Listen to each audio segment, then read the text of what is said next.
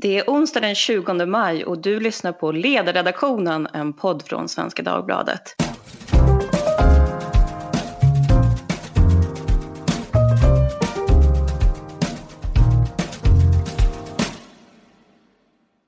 Men idag så lyssnar du ju inte bara om du är prenumerant utan du ser ju oss också för att vi spelar in video idag för er som också tycker om tidningen. Och det känns väldigt kul att kunna göra det här för första gången. Och upplägget idag är att temat är ju eh, Sverige efter coronakrisen. Så varje ledarskribent, ni ser dem alla fyra här, har gjort varsin spaning om vart Sverige och världen kommer att vara när vi en gång lämnar den här pandemin bakom oss. Och det kommer vi göra precis som människor innan oss har lämnat sina pandemier bakom sig. Och eh, innan vi drar igång så tänkte jag också säga att det är väldigt kul att det har kommit in så många frågor. Väldigt många frågor rör coronakrisen och jag har tagit ut de som jag tror att ni eh, vill ha svar på allra mest. Så de kommer efter att vi har hört de här respektive spaningarna. Och jag ska också säga att ni får inte glömma att gå in på iTunes och recensera den här podden om ni tycker om den. Jag har sett att på sista tiden så har det dykt upp några om vår ljudkvalitet. Och många saker kan man säga om coronakrisen. Men den är ju inte en kris som är bra för audiofiler, alltså människor som älskar ljud.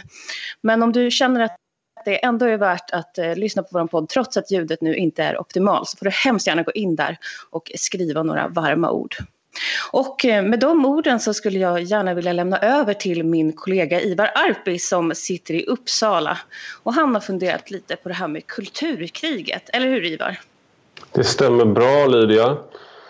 Och min spaning går ut på att eh, kulturkriget som vi har känt det under lång tid, det är över, åtminstone tillfälligt. Eh, och för oss som blev vuxna efter Berlinmurens fall så är det kulturkriget som har dominerat vem, vilka vi ser som vänner och fiender eh, snarare medan, än som tidigare så kanske var det skattefrågor och marxism och sånt som dominerade. Eh, så medan våra äldre vänner kanske velat prata om skatterna eller facket så har vi velat prata om rasism och invandring, om språktest, rasifiering, om terrorism och islamofobi, feminism och Jordan B. Peterson.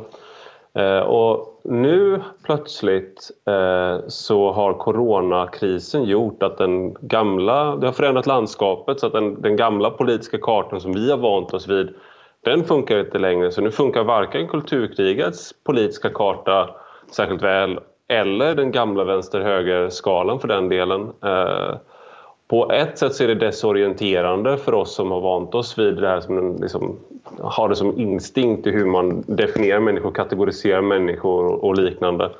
Eh, men samtidigt är det något uppfriskande med att eh, man ser att det är helt nya skiljelinjer. Eh, nu har det blivit, börjar långsamt kanske bli lite bättre men ett tag har det varit ganska dumt med den här nya politiska kartan också att man är Team Tegnell eller Team 22 forskare.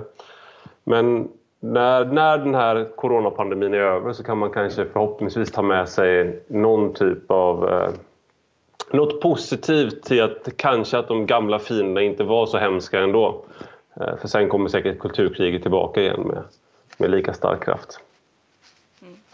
Tror du att det här kommer ha någon bestående effekt då? Jag tror det. Om jag ska bara utgå från mig själv så har det varit väldigt intressant att människor som eh, tills i förrgår ungefär ville ge mig en smäll på käften snarare eh, har skrivit eh, väldigt uppskattande om vad jag skriver och, och skickat privata meddelanden och mejl och sånt. Eh, så jag hoppas att om man under lång tid har blivit mindre och mindre människa för varandra i kulturkriget så har coronapandemin eh, gjort att man ser, eh, ser på varandra på ett lite nytt sätt. Kanske. Mm. Jag hoppas det. Tove, jag bad dig opponera på Ivars kulturkrigsspaning här. Eh, vad tror du? Är du lika optimistisk som han? Eh, nej, det är jag inte. Jag tror att man ser ju också nu små tecken på personer som i sociala medier ligger kvar i de gamla skyttegravarna och otroligt missnöjd över att det inte är alla mot Ivar Arpi som vanliga på den gamla vanliga hedliga tiden. Och jag tror att de samlar nog kraft för att så fort det finns en möjlighet återvända till liksom bekväma, sköna positioner igen. Så att eh, ja, jag kan ju dela Ivars förhoppning men eh, jag, jag tror att det finns en överhängande risk för att vi återgår i gamla dåliga vanor efter krisen. Mm. Och du har ju tänkt på det här med civilsamhället och du har till och med varit ute och debatterat här i coronatider. En dag fick du ta taxi hela vägen till Stockholm för att prata med Jakob Forssmed på Kristdemokraterna för att han vill ju ha en ensamhetsminister. Det här tyckte inte du var en särskilt bra idé alls. Men, men vad tänker du om civilsamhället så här i coronatider? Sköter det sig? Ja, jag tycker att det sker någonting väldigt intressant just nu i spänningsfältet mellan civilsamhället och politiken. Civilsamhället är ju grunden, basen i samhället. Det är vi som medborgare, vänner, familjer, grannar, nätverk, eh, frivilliga gemenskaper och det är där vi formar våra värderingar och vår moral. Och just nu så genomgår ju det en exceptionell prövning därför att de här frågeställningarna som normalt sett bara hörs på filosofikurser, de synliggörs ju nu i nyhetssändningarna och det är praktiska diskussioner om provtagning, intensivvårdsplatser och munskydd. Så vi har ju påtvingats en grym lektion om liv och död och vilka konsekvenser som våra val, vägval får. Politiken då å sin sida, den har ju en samhällsuppgift som handlar om att skapa ordning och den har just nu panik därför att den kan inte för sitt liv skapa ordning eftersom vi lever med en osäkerhet som är svår att omsätta i mätbar risk och det gör politiken eh, väldigt eh, handlingsförlamad. Men det språk som den använder, den här självuppblåsta retoriken, löftesrik, som vi har tillåtit att vara en usel standard, den märks ju nu, den blir synlig på ett helt annat sätt än under migrationskrisen till exempel. Så min spaning är att civilsamhället kommer därför äntligen i den här krisen att komma till insikt om att det inte är, är tillrådligt att lämna livsviktiga frågor till politiken. Vi kommer att bli bättre på att ställa rätt krav, välja leveranspolitiker istället för poserande pladderkvarnar. Och utifrån kriserfarenheten kommer vi att efterfråga ledare som har trovärdighet när det gäller långsiktighet, konsekvenstänkande och förutseende. Kvar efter krisen står de vuxna i rummet. Det var också väldigt optimistiskt får man säga. Jag misstänker att eh, mina kollegor här inte helt håller med dig. Vem är sugen på att hugga på Tove? Vad säger eh, Mia? Ja, det är ofta så där när man frågar hur tror du det kommer bli så säger man hur man tror att hur man hoppas att det ska bli. Jag kan hoppas på detsamma som Tove. Eh, men jag tror dessvärre inte att det kommer förändras så väldigt mycket. Det är fort gjort att man går tillbaka till det gamla förhållningssättet och just detta eh, att politiker i, som sådana, att de skulle bli av bättre kvalitet och få nya instinkter och dras eh, åt rätt håll. Det, det, har jag lite svårt att tro. Man kan hoppas. Likaså de som i civilsamhället kommer säga nu att ja, men nu behöver vi inte mer av politik utan vi klarar oss själva. Det finns inte. Det kommer alltid finnas i föreningsliv i olika sammanhang människor som säger vi vill ha mer pengar av staten eller kommunen. Och de glömmer då att det som kommer med pengarna det är också krav på vad och hur de ska verka. Mm. Är det någonting som den här krisen aktualiserat det är ju att eh, i fungerande demokratier så har ju de flesta medborgare stöd då för respektive regerings strategi. Och det ser man oavsett vilken strategi som olika länder har valt så har man en väldigt bred uppslutning. Och jag såg idag att det var någon som kommenterade att eh, Löfven har faktiskt inte ökat lika mycket som, som i andra länder eh, mots, motsvarande så att säga. Så det går väl kanske lite emot Toves förhoppning här då. Ivar, vad tycker du? Tror du att vi kommer få en annan politik?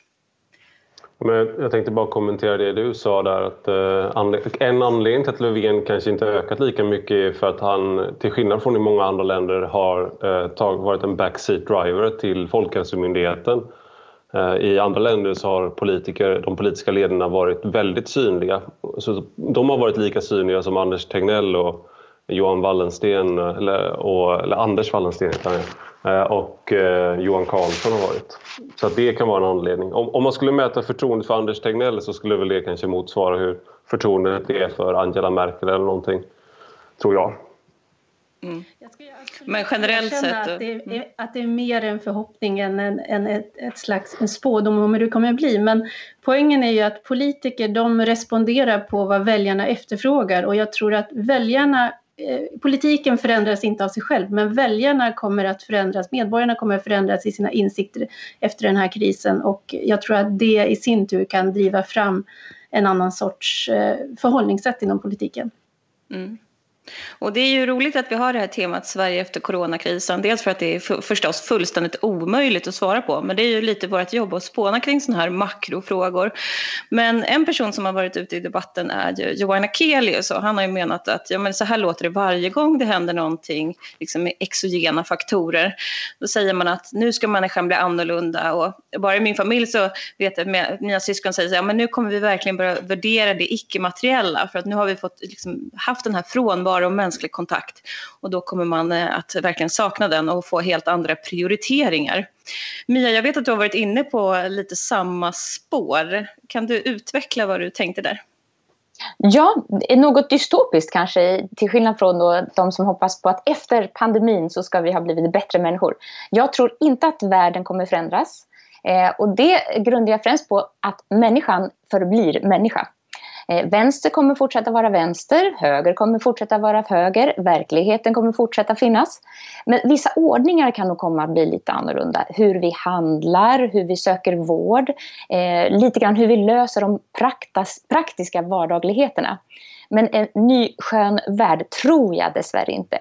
Och varför tror jag då inte det? Jo, för att all förändring i världen kommer inifrån och ut det måste börja i människan. Alltså varje enskild måste, människa måste förändra för att världen ska förändras. Det är det som socialisterna aldrig har begripit. De tror att det börjar med revolution utifrån och så går det inåt och ändrar människan till slut. Men det är inte så, utan det måste börja med förändring i varje person. Eh, man kan till exempel, eh, många minns säkert hur det var eh, när internet var nytt så sa vi att det här kommer revolutionera och förändra världen. Eh, det finns en hel världar utav kunskap, av böcker, fakta. Allting detta kan vi ta till oss med bara några knapptryck. Och det kommer göra oss bättre. Men vi vet alla vad som händer. Vi, vi ägnar inte tiden på nätet åt förkovran eller att kultivera vår trädgård. Vi vet ju att det är helt andra saker som de flesta sysslar med. Så formen för, eller instrumentet, spelar mindre roll än människans vilja och ambition att göra borde till jorde detta kommer inte förändras mer än kanske i vissa sammanhang. En idé jag har är att känslan av att vi nu får ägna, eh, en del säger tvingas, ägna mycket mer tid åt våra närmsta. Vi är med våra familjer mycket mer. Det tror jag kommer vara något som vi vill fortsätta med i bästa fall. Mm. Kanske till och med kommer det vara så att barnen träffar sina föräldrar mer än de träffar förskolepersonalen. Att det här är någonting som man upplever, en förändring som är så positiv att man vill göra det. Men förhoppningen om att världen ska bli bättre, att vi efter en sån här svår tid blir eh, ett bättre mänskligt material. Det tror jag dessvärre inte på med mindre än att var och en har erfarenheter som gör att de själva vill förändra sig inifrån och ut. Göra det de tycker är rätt och inte bara orientera efter man, hur man vill att det ska vara. Mm. Så min spaning är du... dyster, men eh, jag ställer hoppet till människan.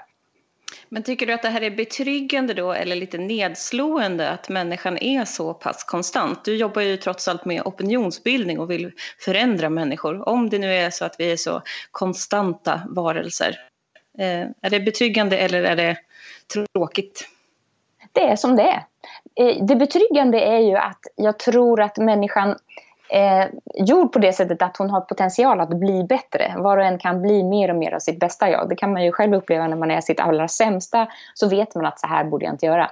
Eh, så förmågan ligger i det mänskliga. Men då tror jag att kulturen runt omkring, vad som, är, vad som anses vara ideal, och det påverkar vi ju alla, det kan förändra hur människan vill vara. Och där kommer opinionsbildare och andra också in när man påtalar vad är idealet? Vad vore det goda? Vad vore det bästa? Mm. Och vi kommer faktiskt in på lite av de här frågorna i vår frågestund som nalkas nu. Men innan tänkte jag dra mina väldigt korta spaningar då. En första sån konkret spaning är att jag tror att vi kommer bli mycket mer hygieniska. Dels för att vi har en hel generation barn som nu lär sig att tvätta händerna på kirurgiskt vis. Och sådana där saker tror jag inte att man avlär sig så lätt. Och eh, vi har också haft en, liksom en trend där man börjar kramas och pussas en massa. Det tror jag kommer rullas tillbaka. Det kommer dröja tid innan man vågar ge sig på de här kontinentala vanorna igen. En annan sån sak är att vi har en ny LO-ordförande eh, på plats och hon har skrivit en debattartikel idag där hon säger att hon vill gå åt de här plattformsföretagen. Och det är ju allt fler människor, framförallt utrikesfödda nu, som kommer jobba på de här plattformsföretagen. Och det tror jag eh, kommer bli en sån där stridsfråga nu. Och eh, frågan, spänningen mellan LO och S kommer verkligen accentueras av den här coronakrisen. De hade ju inte lätt innan, men den kommer bli mycket värre. Och för det tredje så har vi sett idag så får Norwegian kinesiska ägare. Och eh, det här kommer vi också se att Kina flyttar fram till sina positioner när man har så otroligt starka ekonomiska resurser att kunna köpa upp och köpa in sig i massa västerländska företag. Så den debatten tror jag kommer komma och den kommer nog komma ganska snart. Med det hörni så är det dags att gå över till frågestunden då och det har kommit in väldigt mycket frågor. Ehm, en första fråga som jag tyckte var härlig för den var lite så här nordkoreansk. Eh, och då tänkte jag att den här kanske Tove själv har skrivit, men det har hon inte gjort för den här frågan kommer från Olle. Och då låter det så här. Hur ser ert backoffice ut? Jag är imponerad av er kunskap i de mest skiftade ämnen. Att ni lyckas hålla reda på händelseförlopp, komma ihåg när det hände och minnas vem som sa vad. Jag gissar att ni har några personer som letar upp information, kollar fakta och så vidare. Hur många är de? Vilka kompetenser har de? Och hur ser deras jobb ut till vardags? Ja, Tove, berätta om vårt backoffice. Ja, nej men det är ju så att eh, det, det, är ju liksom jag önskar att vi hade de här regeringskansliresurserna med utredare och faktagranskare. Då och då så kommer det in en och annan praktikant som kan hjälpa oss. Men där är ju snarare syftet att de personerna ska kunna utvecklas eh, som ledarskribenter. Så att Nej, det, det, här är, det här är vad ni, ni som tittar på det här på video, det här är vad ni ser, det här är vad vi gör. Det som har förändrats väldigt mycket som ledarskribent under de år som jag har kunnat överblicka det, jag var inne och vikarierade första gången för 20 år sedan faktiskt på Svenskans ledarredaktion, det är ju att de kompetenser som nu krävs är ju mer av en slags omnipotent, multikompetent person som inte bara förhoppningsvis ska tänka och, och skriva utan också redigera, vara webbredaktör och allt möjligt annat som ingår i detta. Så att på det sättet så har ju tillvaron förändrats. Att de idag som ger sig in i det här arbetet behöver göra många fler arbetsuppgifter än tidigare. Och är det kanske någon kompetens som sticker ut och som man måste vara bra på så är det just det att snabbt kunna hitta information, relevant information och fakta som man också tror håller eh, och är tillförlitlig. Så den sortens kompetens har blivit allt viktigare. Att kunna sortera informationsflödet. Jag vill bara lägga till där att eh, jag tror ibland så tror jag folk kanske missförstår vad en ledarskribent gör och i vissa frågor så kan man väldigt mycket. I andra frågor så kan det vara att man helt enkelt redogör för att här finns det en konflikt och då, behöver du, då är det ju rollen på många sätt mer lik en journalists roll, det vill säga du skildrar något. Eh, och då, så då behöver du kanske inte den här armadan av faktagranskare i ryggen utan det räcker med att du lyfter fram någonting som är viktigt som vi bör hålla ögonen på eller några röster som, har blivit, eh, som man kanske tycker har blivit missats i den allmänna debatten eller av, av eh, nyhetsjournalisterna. Mm. Och sen ska man väl säga det också att de flesta av oss som jobbar har ju jobbat med politik ganska länge och det är precis som när man lägger ett jättestort pussel med flera tusentals bitar. Att i början så är det obegripligt men har man hörnbitarna och har man ett antal bitar då är nästa bit mycket lättare att förstå sig på. Och på samma sätt tror jag det är om man jobbar som ledarskribent och tittar på nyheterna så ser man kanske lite grann en annan sak än om man tittar och inte har det här jobbet att faktiskt hela tiden hitta den här konflikten. Jag tror... Det, jag tror också det något som vi har som eh, man inte ens skulle ha på en backoffice eh, är ju en, eh, en inre kompass. Alltså det som vi ständigt eh, väger de olika synpunkterna emot. En del undrar hur kan du veta vad du ska tycka om allting hela tiden? Och det är väl det som är lite av den eh, särskilda kompetensen. Att vi har en känsla för vad som är rätt och fel rent politiskt. Vi eh, går hellre mot en mindre stat än mot en större och så vidare. Hellre den fria medborgaren inte. Och det där tror jag det gör att, att vi kanske verkar mer kunniga än vi är. Därför att vi har ett slags, eh, vi har en karta att hela tiden orientera efter. Sen har vi ju internet, tack och lov. Och så är det ju också, när man skriver om saker så man samlar ju på sig också en massa eh, informanter, alltså källor. Eh, och de jobbar man ju med hela dagarna och man ska säga det är ju väldigt arbetsintensivt. Att skriva en text det tar ju oftast en hel dag och kanske flera dagar om du har jobbat på den länge. Så det, det, är ju arbetsintensivt att skriva texter. Eh, så Olle, svaret på din fråga är att vi har inget backoffice. Däremot så tar vi hjälp av andra och har jobbat med det här länge så att det kanske bidrar. Eh, han hade också en fråga om vi får förberedda upplägg från till exempel tankesmedjor och det handlar ju om lobbyism och hur vi låter oss påverkas. Och generellt sett så kan man väl säga att det är inte status att låta sig påverkas på det sättet utan eh, vi säljer ju vår hjärna. Så att eh, det vore inte snyggt, precis som för en politiker, att bara plocka på sig politiska förslag från en extern aktör. Så är inte det hedersamt. Och ja, precis, därför om vi, om vi hittar en, om vi hittar en, om vi skriver en ledare om elektrifierade Eh, motorvägar till exempel så är det inte Scania förmodligen som har köpt in sig på ledarsidan utan då är det nog för att vi har läst igenom förslaget och tycker att det är bra. Ja, hur som helst. Nästa fråga då. Hur ser en vanlig arbetsdag ut för ledarredaktionen och eh, hur ser den ut under coronapandemin? Eh, Ivar? Jag, jag pendlar ju in till Stockholm vanligtvis så att jag har, har blivit av med två timmars pendlingstid nu. Eh, så det är väldigt positivt eh, kan man säga samtidigt som det är väldigt tråkigt att eh, sitta och titta på er på video istället för att se er IRL. Eh, sen är ju du Lydia, du vill ju aldrig vara med på videokonferensen så det får man ju aldrig se men Maria och Tove får jag se på morgonmötet i alla fall.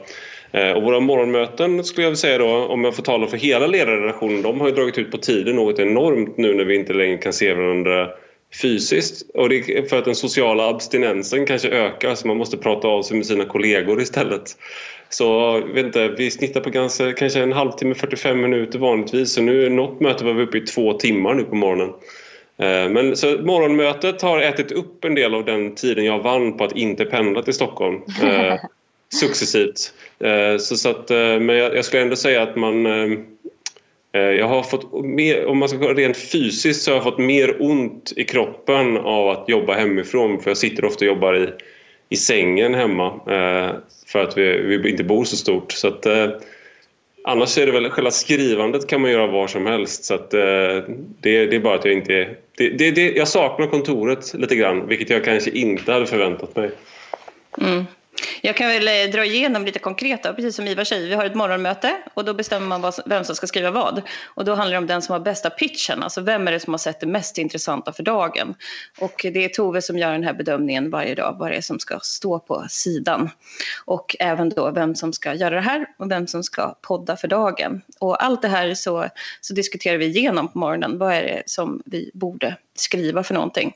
Och skillnaden nu är väl att vi, vi fikar inte lika mycket. Men på något magiskt sätt så lyckas man gå upp i vikt eh, trots det. Men annars brukar det vara mycket fika på Svenska Dagbladets ledarredaktion. Okej, vi går vidare. Jag har fått en fråga från Sven som tycker att vi ska ägna mer utrymme åt skolan. Det, I mina ögon är det lika viktigt område som brottslighet, försvar och sjukvård. Varför skriver vi så lite om skolan, Tove?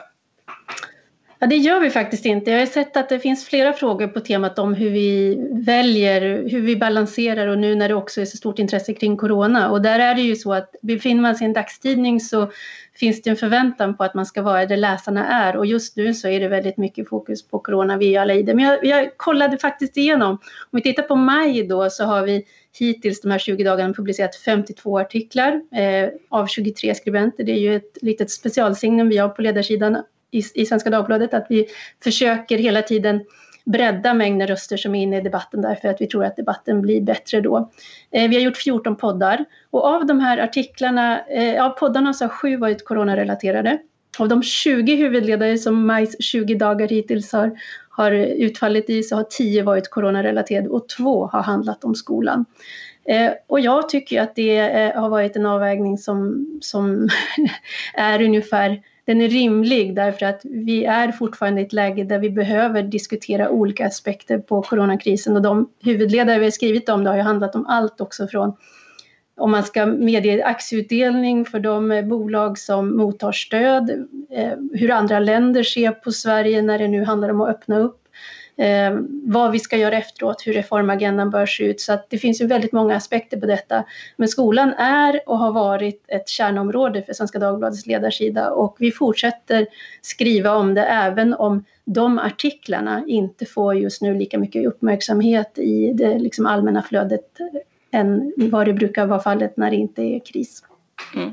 Så svaret till Sven är alltså att eh, Tove tycker att vi skriver väldigt mycket om skolan och eh, att skriva ännu mer, eh, det tolkar jag som tveksamt då utifrån din redogörelse här Tove. Du tycker redan att vi täcker upp skolan ganska bra?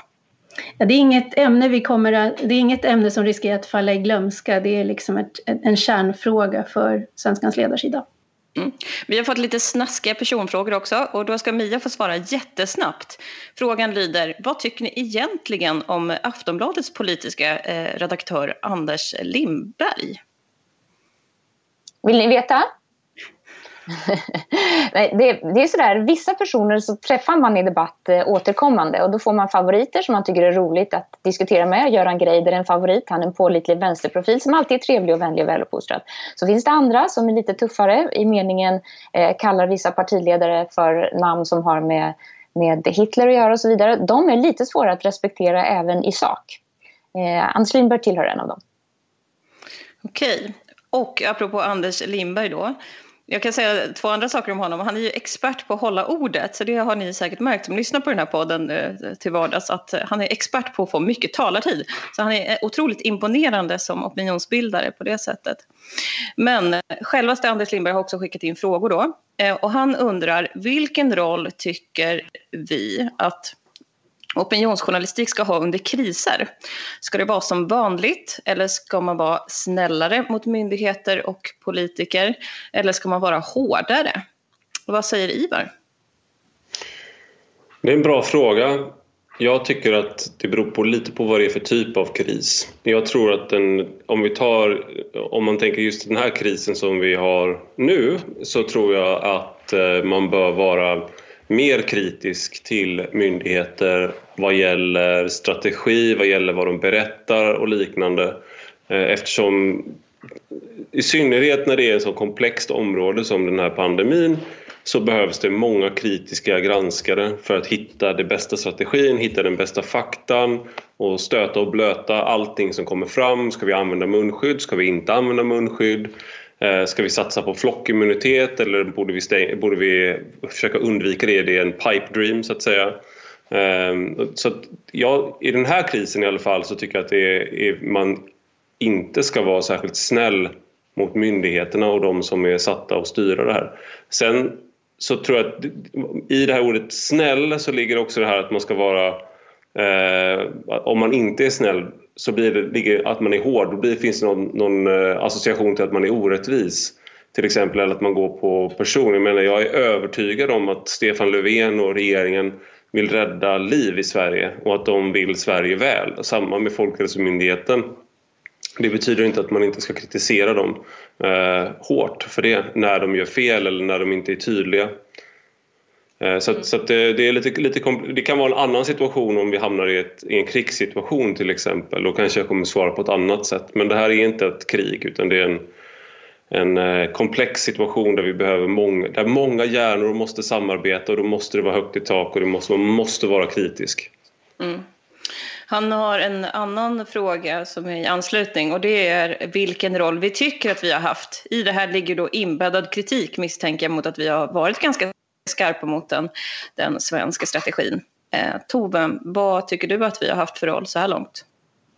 Jag tycker att vi har varit eh, ganska duktiga scouter. Vi, ganska tidigt i det här så talade vi eh, med Niklas Lundblad i podden om det här Julia Galefs teori om scouthjärna och soldathjärna och det behövs ju båda delarna men scouten är ju den som på något sätt försöker förstå terrängen, kartan, orientera sig också för att se om man är på rätt väg och så och jag tycker att det, har, det är ju normalt sett en roll vi har. Jag tror att den blir ännu viktigare under en sån här eh, situation som befinner oss av de skälen som Iva just var inne på. Att eh, om det finns, eh, när, vi, när vi dessutom nu så här långt kan se att det som var ett uttryckligt mål, in, att vi har misslyckats med det, så tycker jag att det är, ger det visar att det är viktigt med kritiska röster och kritiska ögon på de beslut som vi tar nu därför att de får sådana konsekvenser. Så att jag tycker att rollen hittills har varit att försöka vara duktiga scouter, att inte bara eh, svälja det vi hör och, och,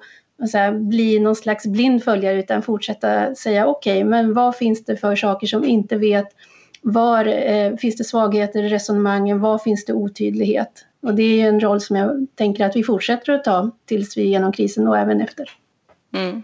Och som Ivar började med att prata så är det ju intressant hur liksom de politiska chatteringarna stämmer inte riktigt i den här krisen mot för hur det ser ut eh, eh vanligtvis. Och både i England och USA, där är ju eh, högern är de som vill eh, eh öppna upp mer och sådär. Eh, och så är det ju kanske inte då i Sverige om man skulle grovdra det. Men på det här temat så har vi eh, fått en fråga om Anders Tegnell.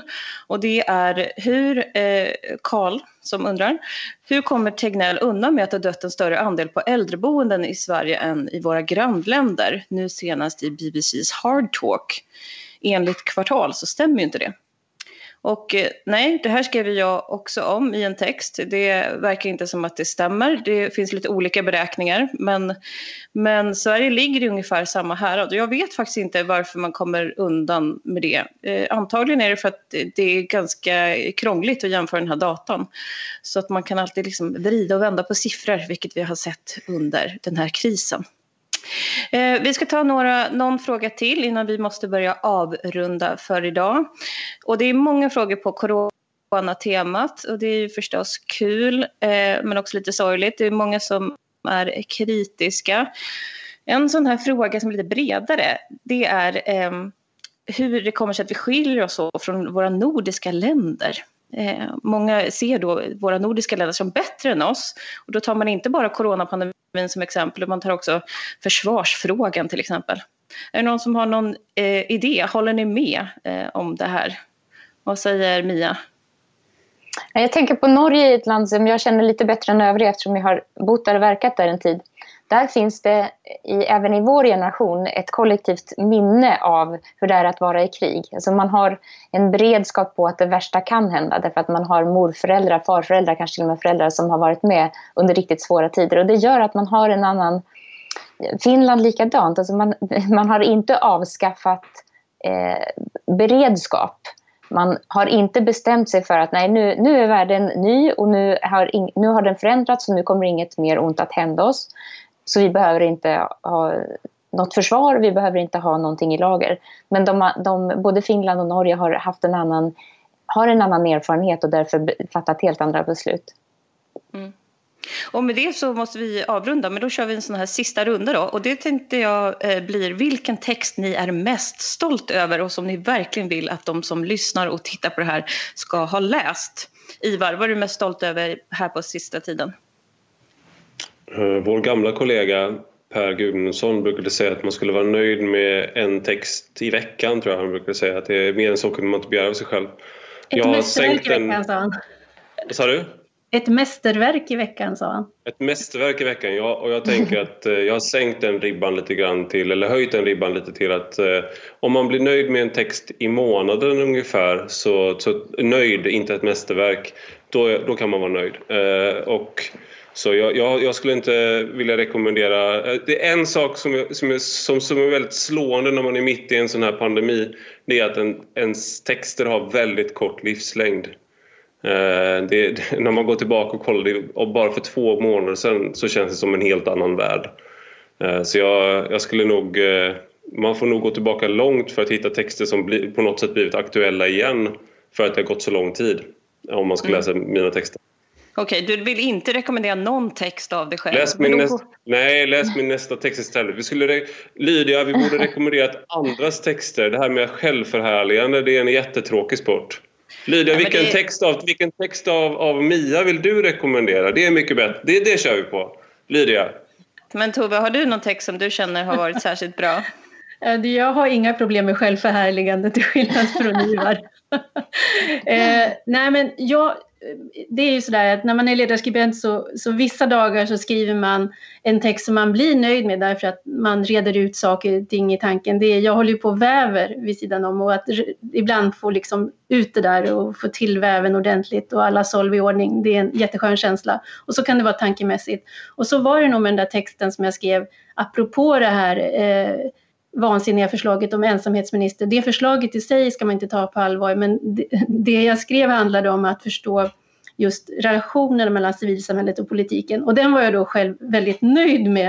Eh, men det blir liksom ingen stor läsning. Och sen kan man en annan dag skriva en liten spark genom öppen dörr. Man sparkar liksom regeringen på smalbenet och så, så blir oppositionen jätteglad. Och den blir helt viral. Eh, och så får man beröm och höra att ja, det var en fantastisk analys och så tänker man det var det ju egentligen inte utan det var lite underhållningsvåld. Så att jag får nog rekommendera då söndagsskoletexten om ensamhetsministern som en uppbygglig insikt för framtiden. Ja, som ni hör då så söker eh, Svenska Dagbladets politiska chefredaktör beröm för sin text om ensamhetsministern. Så ni som har eh, tittat på det här kan ju mejla henne efteråt då, om ni gillade den texten. Mia, då får du avsluta för idag. Ja, då får jag säga det som du inte ville svara på, vilka mina favorittexter är. Jag håller mig inte bara till en, utan jag väljer två. Dels den som handlade om eh, Handelskammarens omstartskommission. Den tycker jag var mycket läsvärd. Och där tar jag upp det viktigaste av allt, att de som bestämmer och leder ska vara mindre bekymrade för rikedom och mer bekymrade för fattigdom. Och så där kom lite. Sen den som jag tyckte mest om att skriva, som kanske engagerade på ett annat sätt, ett lite djupare plan, det är den som egentligen handlar om vår syn på äldre människor som just under coronakrisen buntas ihop som alla över 70 är på ett visst sätt, de är olydiga, de och så. Och då kunde jag exemplifiera med en mig närstående snart 90-åring som säger att han mår bättre än någonsin i själen av att få ha varit i karantän en tid. Den tycker jag var en... Den gillade jag att skriva. Mm. Ja, jag vill avsluta med att väldigt rekommendera... bra på att skriva den typen av texter, måste man säga. Som... Jag, vill, jag vill rekommendera en sak och det är den podden som du gjorde igår, Lydia. För den tycker jag fortfarande är... Det har gått en hel, ett helt dygn, men den var väldigt bra med när Annika Linde, Tove Fall och Torbjörn Nilsson var med. Så den, den vill jag rekommendera. Om ni har missat den så gå tillbaka och lyssna på den podden. Ja, och då blev det lite poddreklam här på slutet. Men eh, hörni, stort tack för att ni har tittat och lyssnat på det här första testet då när vi eh, kör eh, video också. Och jag hoppas att ni har tyckt om det så här i coronatider. Vanligtvis vill vi ju gärna träffas live och ordna de här eventen, men nu går ju tyvärr inte det. Och eh, jag ska tacka mina kollegor också, Maria Ludvigsson, Tove Livendal och Ivar Arpi. Och sen så hörs vi förhoppningsvis som vanligt i morgon.